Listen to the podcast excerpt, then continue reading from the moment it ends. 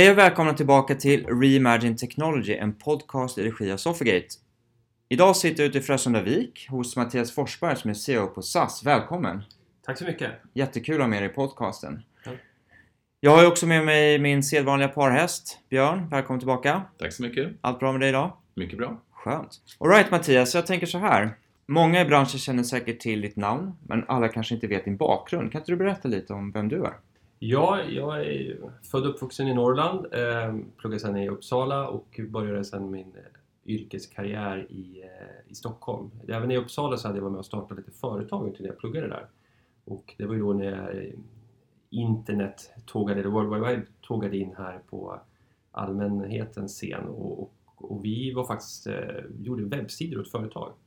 Eh, hade vi lite som en affärsidé. Det lite roliga var att det stod diskussioner om det skulle vara grå eller vit bakgrund på webben. Det var en väldigt känslig fråga. Alla webbsidor på den här tiden var ju gråa, men vi gjorde vita sidor. Sen jobbade jag ett antal år med mycket med e-commerce eh, frågor, etablera bolag som sålde på internet åt en konsultfirma. Sen blev jag CEO på ett, ett eh, mid-size företag i Skandinavien. Eh, därefter CEO på Systembolaget och sen tre år tillbaka är jag CEO på, på SAS. Eh, alltid under min tid när jag jobbat har det varit mycket fokus på IT-strategi, digitaliseringens möjligheter i handel, e-commerce, både business to business och business to consumer och eh, hur man egentligen kan med IT och digitalisering skapa mer affärsvärde. Vad gjorde du dina första 100 dagar? Eh, när jag föddes eller på SAS? Good point. Som CEO på SAS. Som CEO på SAS, de första 100 dagarna, det var ju en... en eh, för att göra en lång historia kort så SAS hade ju väldigt bekymmersamt läge som ni kanske kommer ihåg 2012 eh, initierade ett väldigt kraftigt eh, kostnadsreduktionsprogram. Sen det är fortsatt behov att vi behöver reducera kostnader så kommer det alltid vara i den här branschen. Det börjar dock gå lite bättre för SAS att 2014-2015 så initierade man också att man behövde investera och modernisera en del av sin digitala, ja egentligen hela IT-plattformen egentligen som har haft varit åsidosatt egentligen investeringsmässigt under flera, flera år. Och när jag började då 2016 så var vi mitt i det här gränslandet mellan att kunna hantera de här kostnadsreduktionerna som måste också slutföras och samtidigt bygga upp kapacitet för, för hur man skulle kunna använda IT och digitalisering som en affärsmöjlighet.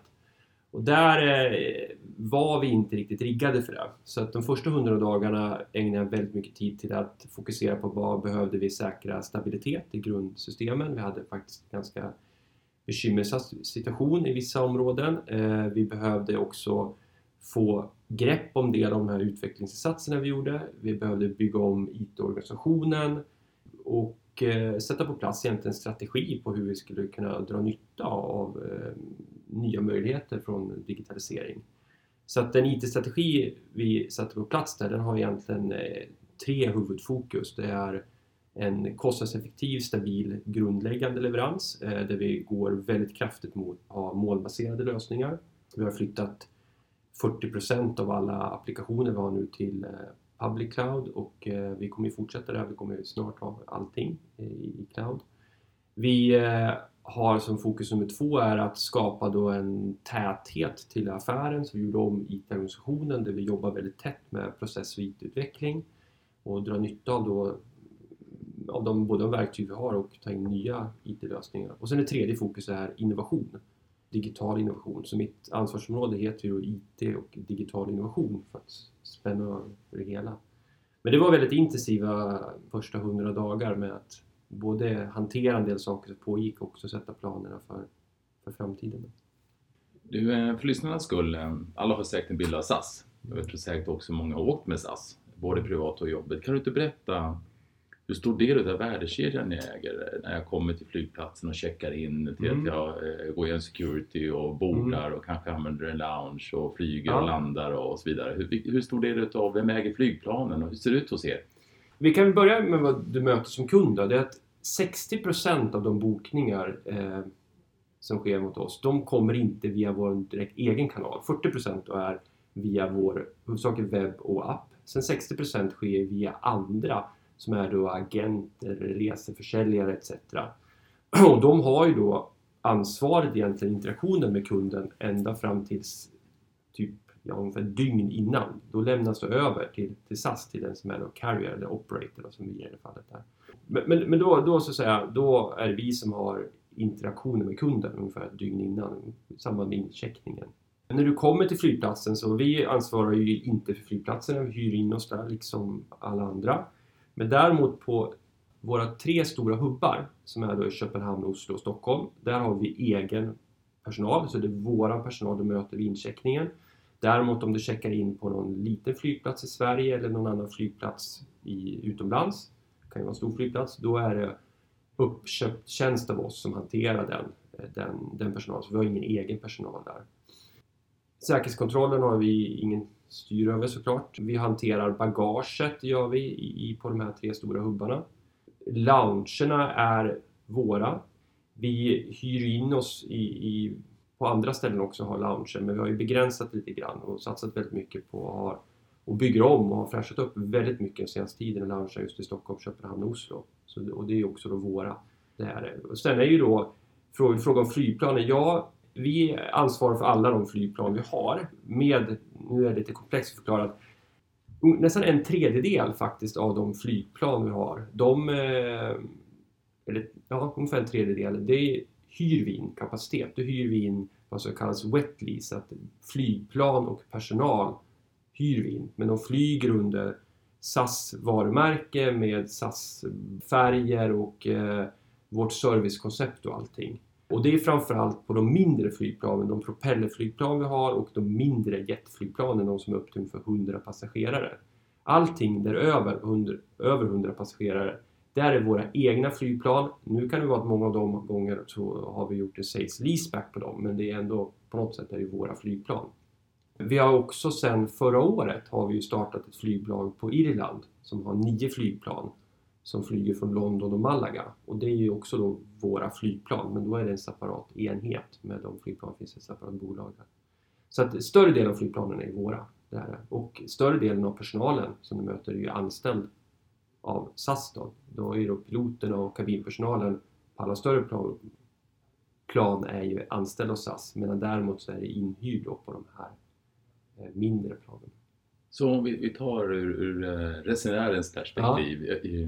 Eh, det är, det är ju förhållandevis digitaliserat idag. Allt ja. från att det är väldigt lätt att boka en biljett till att man får en liten notis innan att man kan checka in och man har boardingcardet i sin Apple Watch ja. och, och, eh, man susar runt och det, det, är ju väldigt digitalt idag. Eh, vad, vad, mer går att göra ur ett res, resenärperspektiv egentligen? Eller är vi, är vi klara? Nej, det går att göra mycket mer. Det som vi liksom alla andra satsar väldigt mycket på det är ju ytterligare personalisering. Hur kan vi då komma närmare dig som kund innan du reser, innan du bokar din resa, innan du ska resa och under din resa. För både att eh, förenkla för dig och stötta dig och i slutändan också ska vi självklart kunna sälja mer också. Då. Och, och, där, där gör vi väldigt mycket. Vi har satsat till exempel väldigt mycket på just hur vi driver kampanjer. Vi har ju nominerade, vi vann ju faktiskt förra året eh, som Sveriges bästa datadrivna kampanj, ja, datadrivna kampanjer och har mycket byggt upp då väldigt mycket information och använder också machine learning för att skapa bättre algoritmer på hur vilka erbjudanden vi ska ge till kunderna. Där håller vi nu på att föra in den typen av, av eh, stöd även under din resa. Hur ska vi kunna ytterligare personalisera den? Och vi har till exempel eh, smyglanserat, det kommer komma lite bredare under våren, en digital assistent eller en som heter Turi som ska kunna underlätta ditt resande och vara din vän som hjälper dig hela tiden. Så där till exempel när du checkar in ditt bagage och får upp dina, de här, vet, de här bagagekvittona får du upp i den chattbotten och du får upp eh, vilket eh, bälte som sen eh, bagaget kommer ut på. och Du får upp hela tiden information om hur många som har gått på planet så du vet hur bråttom du ska ha innan du måste springa dit. Och hur lång, du kan få upp hur lång kö det är i säkerhetskontrollen till exempel på, på Arlanda. Så, så det är mycket saker som ska underlätta ditt resande.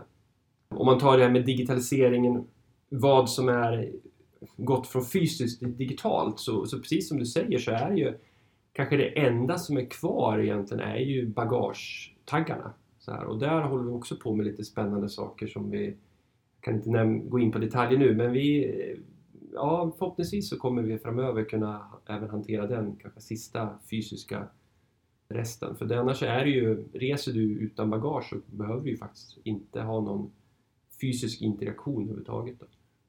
Så är man nere på bagagetaggnivå, då har man kommit en bit, måste man väl säga. Då har vi kommit en bit. Och det är ju någonting som, som eh, flygbranschen var ju väldigt tidig i den digitaliseringen. Eh, både i eh, order och hanteringssystem, så att säga, redan på 60-talet. SAS var första europeiska bolaget för den. Och sen eh, var ju vi också, SAS var ju en av grundarna till Amadeus som är ett av de här stora globala bokningssystemen där många reseaktörer. Det där har ju varit en eh, viktig del för flygbranschen. Samtidigt sitter ju vi liksom många andra av de lite äldre flygbolagen sitter ju fast och i har ganska mycket gamla system. Till exempel vårt, vi bytte här för ett och ett halvt år sedan vårt eh, system som hanterar vår eh, lojalitetsprogram, Eurobonus. Och det var ju faktiskt ett system som var lika gammalt som Eurobonusprogrammet. Så det var ju 25 år gammalt. Så det, det var ju pre-internet då. Jag, jag brukar ofta eh, prata om det här Eurobonus-programmet som ett riktigt smart upplägg med tanke på att ju mer man flyger desto mer tid sparar man. Ja, Eh, Medan i många andra branscher, till exempel retail, att ju mer du handlar då får du egentligen rabattcheckar. ja, Och, och den, när däremot när du checkar ut på en, en vanlig matbutik så finns det ju ingen fördel av att du har handlat mycket utan Nej. du får ju snarare om du handlar lite för att gå i en snabbkassa men handlar du mycket för att gå i en, en eh, vanlig kassa. Jag tycker det är helt genialt. Vem var det som kläckte den idén? Alltså det, det, Ja. det är nästan Nobelpris på den. Ja, en, en, en bra poäng och eh, jag vet faktiskt inte vem som kläckte den idén men eh, det här var ju någonting som, vi har ju över 5 miljoner eh, medlemmar i Eurobonus nu och det är ju någonting som vi är väldigt stolta över. Det vi jobbar med nu som vi också gått ut och kommunicerat externt är att vi har ju då även fortfarande internt men vi har separerat ut den verksamheten lite grann som ska fokusera lite mer på hur kan vi bygga erbjudanden för att göra precis det du är inne på. Hur kan vi spara tid som kanske inte bara är med resandet utan majoriteten av de som är i Eurobonus är ju ganska lika typer av människor som reser ganska mycket, som har tid som en begränsande faktor och, och eh, vill självklart ha då tjänster och, och kunna spara tid även kanske när man inte bara reser. Eh, så det är någonting som vi jobbar väldigt intensivt med.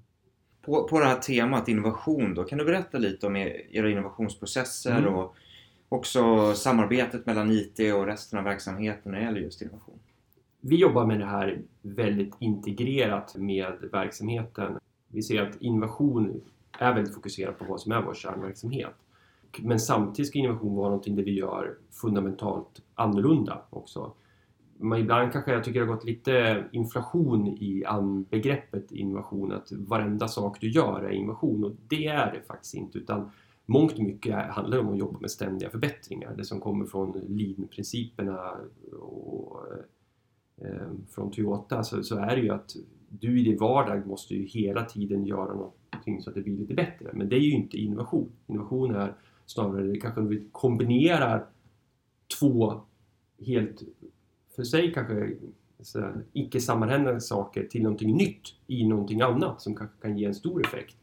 Och det är, det är där vi försöker få den här korskopplingen med att titta då framförallt på hur kan ny teknik användas på ett nytt sätt på hos oss idag kända problem men vi kanske applicerar det på ett annat sätt. Och det, jag har ju då en enhet som heter SAS Labs hos mig eh, som ska vara då i framkant på tekniken. Vi jobbar också där mycket med vi kallar Open Innovation. Hur kan vi också få inspiration från andra? Vi anordnade till exempel i höstas en, vår första större öppna hackathon som vi bjöd in. eh, Ganska, det var väldigt roligt, nästan 100, 100 lag som sökte och komma med. Vi plockade ut 20 av dem som tävlade här i höstas. Men, men fokuset i vår verksamheten har varit mycket att till exempel titta på det här med bagagetaggen då och hur kan vi då använda ny teknik där för att kanske eliminera den, den sista kvarvarande icke-digitala delen. Vi tittar också på hur vi med eh, på lite innovativa sätt också kan förenkla för dig som kund att hantera bagaget. Det kommer komma en del saker här framöver. Det kanske är på gränsen man skulle kalla innovation utan det är ju snarare en kraftiga ständiga förbättringar kan man säga. Och vi ser att ibland så kan det vara mer acceleration.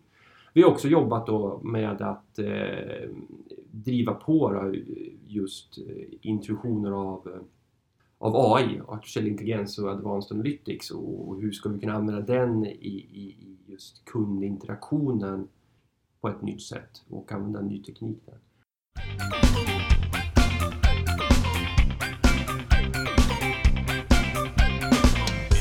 Många CEO vi möter har inte förmånen att själva driva innovationsavdelningen utan den Mm. kanske ligger på verksamhetssidan. Hur ser du själv på det här? Alltså vad, vem ska äga innovation? Det måste vi göra tillsammans. Jag har väldigt svårt att se att eh, det, det här med äga är ju det är ju ändå ett lagspel där alla har sitt ansvar. Mitt ansvar är ju att se till att vi använder ny teknik på bästa möjliga sätt. Sen finns det ju andra. Jag skulle inte säga att jag äger den helhet, hela innovationen för SAS utan det finns andra som jobbar med innovation utifrån sina ansvarsområden. Och ibland behöver vi då kombinera det där för att det kanske är med ny teknik vi ska göra innovation. Men ibland kan innovationen vara en innovativ ny affärsmodell också. Eh, och då är det ju någon annan som ansvarar för att driva det. det så det gör, det gör inte jag. Utan jag fokuserar på det som har med ny teknik att göra och, och i kombination då med hur vi kan förändra vår verksamhet eller applicera någonting helt nytt.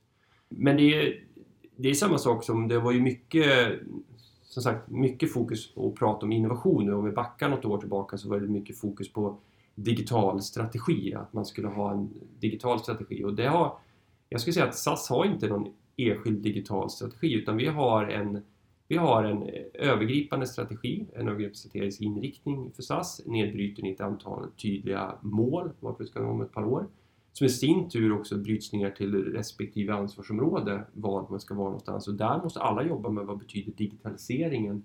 Hur tar vi oss dit med hjälp av nya digitala möjligheter? Och det tror jag är en framgångsfaktor att så länge vi jobbar med den verksamhet vi har så måste vi göra det väldigt integrerat. Om vi rör oss utanför för SAS som företag Mm. och eh, pratar lite miljö en stund. Mm. Det är ju högt upp på alla agendor just Ja. nu med det här med carbon footprint och eh, det, det är rätt mycket i pressen runt Mm. resande generellt. Och, eh, vad står SAS i den frågan och hur tänker ni runt det? Det här är ju en fråga som min syn på det är att flygbranschen och samhället som helhet har varit väldigt sent på den här eh, frågan. Just med, det har egentligen inte varit någonting som har debatterats förrän nu nyligen och då har det blivit väldigt mycket. Eh, och jag måste ju säga att vi kanske som flygbolag, vi, är, vi har väl heller kanske inte varit tillräckligt drivande. Nu har vi verkligen gjort en, en eh, tagit tag i frågan måste jag säga. Jag är väldigt stolt över hur vi hanterar det här. Det ligger högst upp som fokus. Vi har eh, gjort jättestora investeringar, skulle jag säga kanske det är Skandinaviens största infrastrukturinvesteringar där vi då beställde 50 nya flygplan, de modernaste flygplanen Eh, under förra året, vilket varje flygplan kommer reducera sitt utsläpp eh, med 15-20% motsvarande. Vilket är väldigt mycket och det, är det, det går inte att göra just mer just nu utifrån eh, den teknik som finns tillgänglig helt enkelt. Vi har också sedan bara någon vecka tillbaka så miljökompenserar vi alla julbonusresor. Vi har fokuserat väldigt mycket på all, också så här, vända på varenda sten. Hur vi tvättar flygplanen. Vi gör något, gör något som heter dry wash nu som minskar utsläppen väldigt mycket där man då tvättar på ett helt annat sätt. Vi eh, har infört eh, mycket mer miljösmarta menyer på, på flygplanen. Vi har det här lilla kittet när du flyger långt som du får med toalettartiklar. Det är helt miljöanpassat med, med återvunnet material etc. Så det är allt ifrån stort till smått. Från den här miljard, miljarders, miljarders investering i nya flygplan till att vända på varje sten. Så jag är väldigt stolt hur vi jobbar med det här. Sen är det ju det att som stor Nästa steg, vad som måste göras, är ju då tillgången till biobränsle. Den är för liten idag. Den finns egentligen inte här tillgänglig på skandinaviska marknaden utan vi måste importera den. Vilket är ju fascinerande. Det borde finnas stor möjlighet att, att producera biobränsle i, i den del av världen vi lever i. Där har ju vi satt nu, eh, både inlett samarbete med branschaktörer på att, att vi har sagt att om ni tar fram biobränsle så kommer vi stå som köpare för det där. Men också då försöker trycka på mot myndigheter också att det här är någonting som måste stimuleras. Och då blir ju den här diskussionen om flygskatt lite skev också för att den är ju den är ju felaktigt utformad om den ska driva en förändring i, i branschen. Just nu är det bara en generell skatt som kanske kan leda till att man ja, eventuellt kommer personer, några färre flyga. Men det kommer vara på marginalen, vilket kanske betyder bara att det kommer vara några färre passagerare på varje flygplan, vilket egentligen inte har någon som helst påverkan på miljön. Medan däremot då, om, om vi då kunde återinvestera den där skatten också i någonting som transformerar och förändrar branschen, då skulle det vara väldigt positivt. Men nu finns det ingenting utan nu går ju flygskatten bara in i ett ja, stort svart hål då, så att säga. Så det är vi lite kritiska till att det inte finns någon förändringsagenda runt hela flygbranschen. Hur långt in i framtiden ser ni att eldrivna flygplan är realistiskt? Det får vi nog dela upp i att eldrivna flygplan för väldigt korta flygningar kanske inom, eh, inom storstäder Eh, eller mellan, eh, typ så här, det skulle kunna vara Stockholm, Västerås eller något sånt där kortare. Det, det behöver inte vara alldeles för långt borta. Men det skulle ju vara då ett fåtal passagerare, då tänker man mer drönaraktigt. Det finns ju sådana piloter redan ute. Och till exempel flygplanstillverkarna har sådana som de tittar på. Men däremot har eldrivna flygplan som transporterar en längre sträcka, både längre inom ett land och framförallt utanför Sveriges gränser, det ligger långt fram i tiden. Det är inte tillräckligt effektiv eh, användning av energin. Du får inte upp flygplanen helt enkelt med det på det sättet i luften. I så fall måste man titta på helt andra sätt på hur du startar och hanterar landningen så att säga. I försnacket mm. så pratar vi lite om skidåkning. Ja. Hur mycket påverkar ditt idrottsutövande dig som ledare och chef och hur är du som ledare och chef?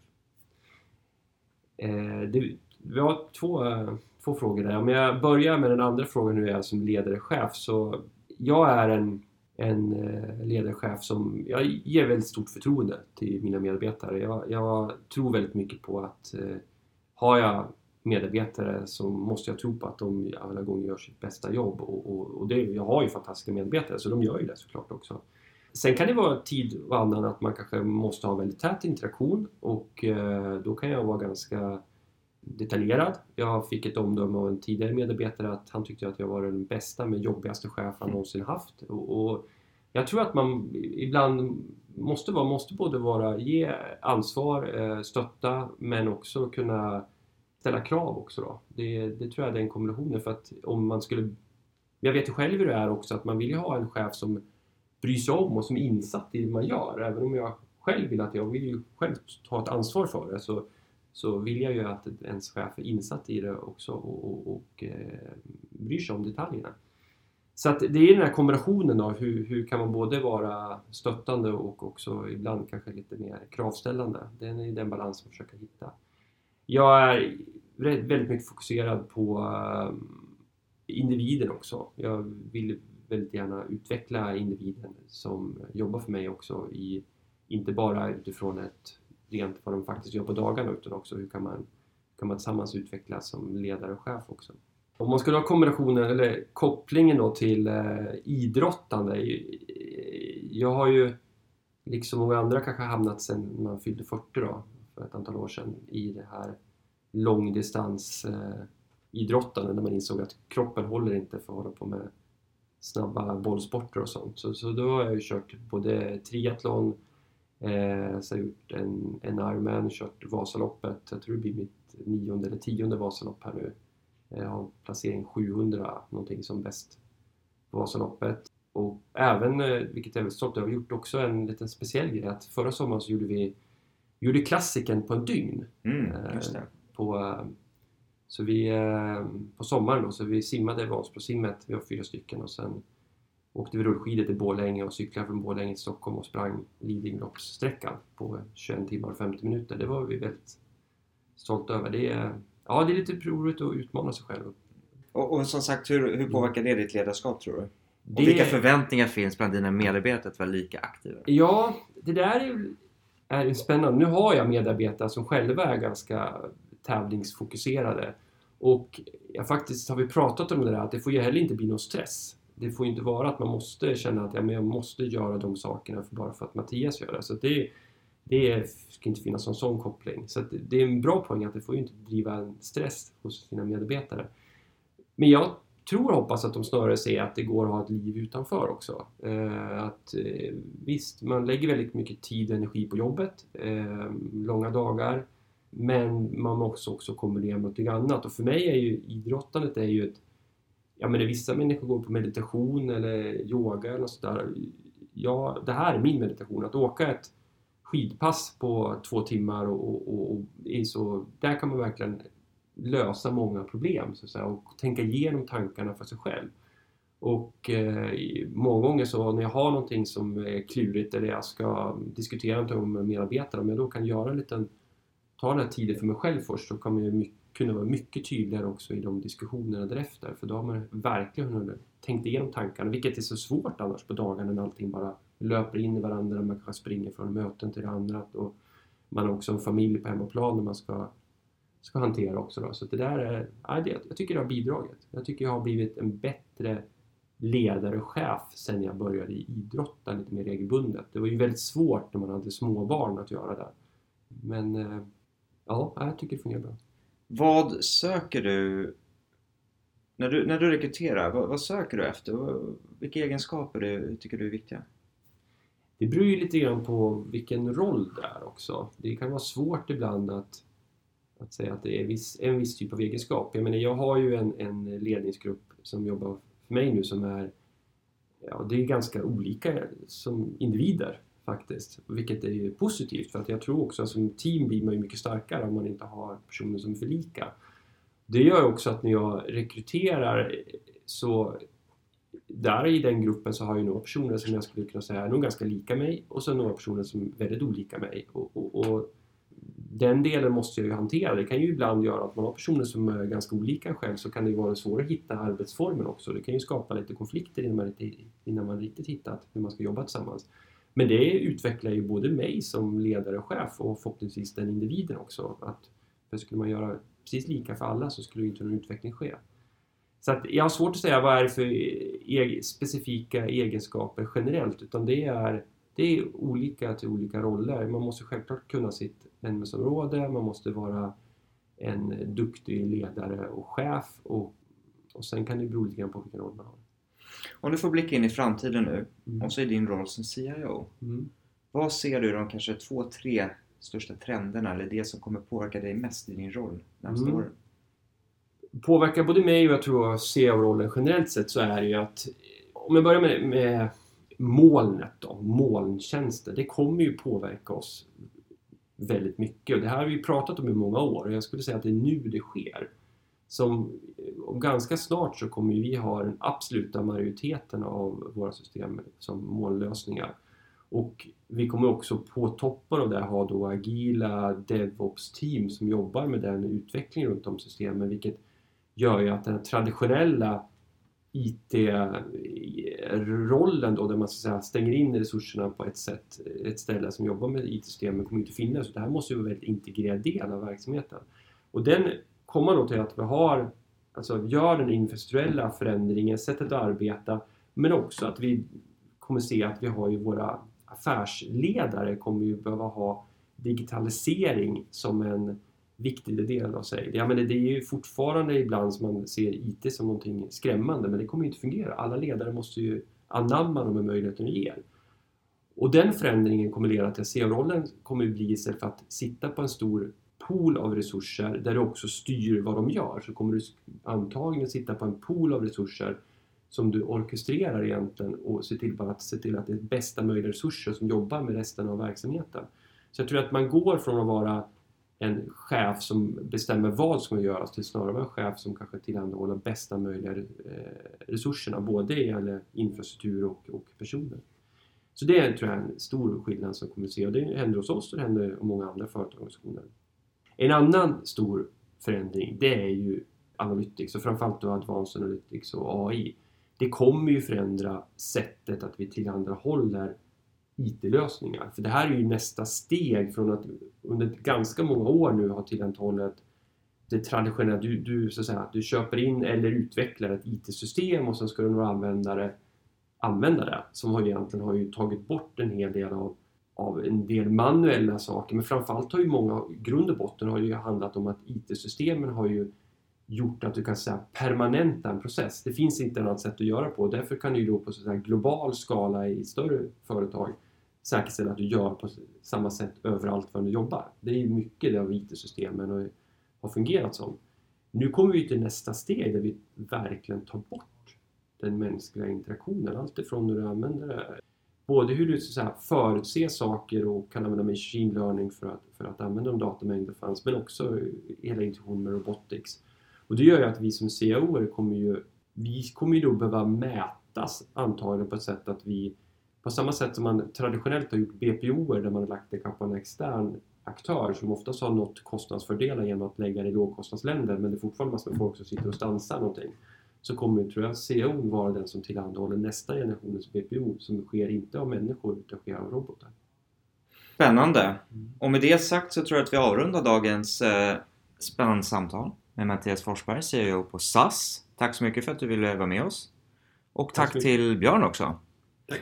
Det här var Reimagine Technology, en podcast i regi av Sofigate och jag heter Roland Filip Kärtman. Tack så mycket!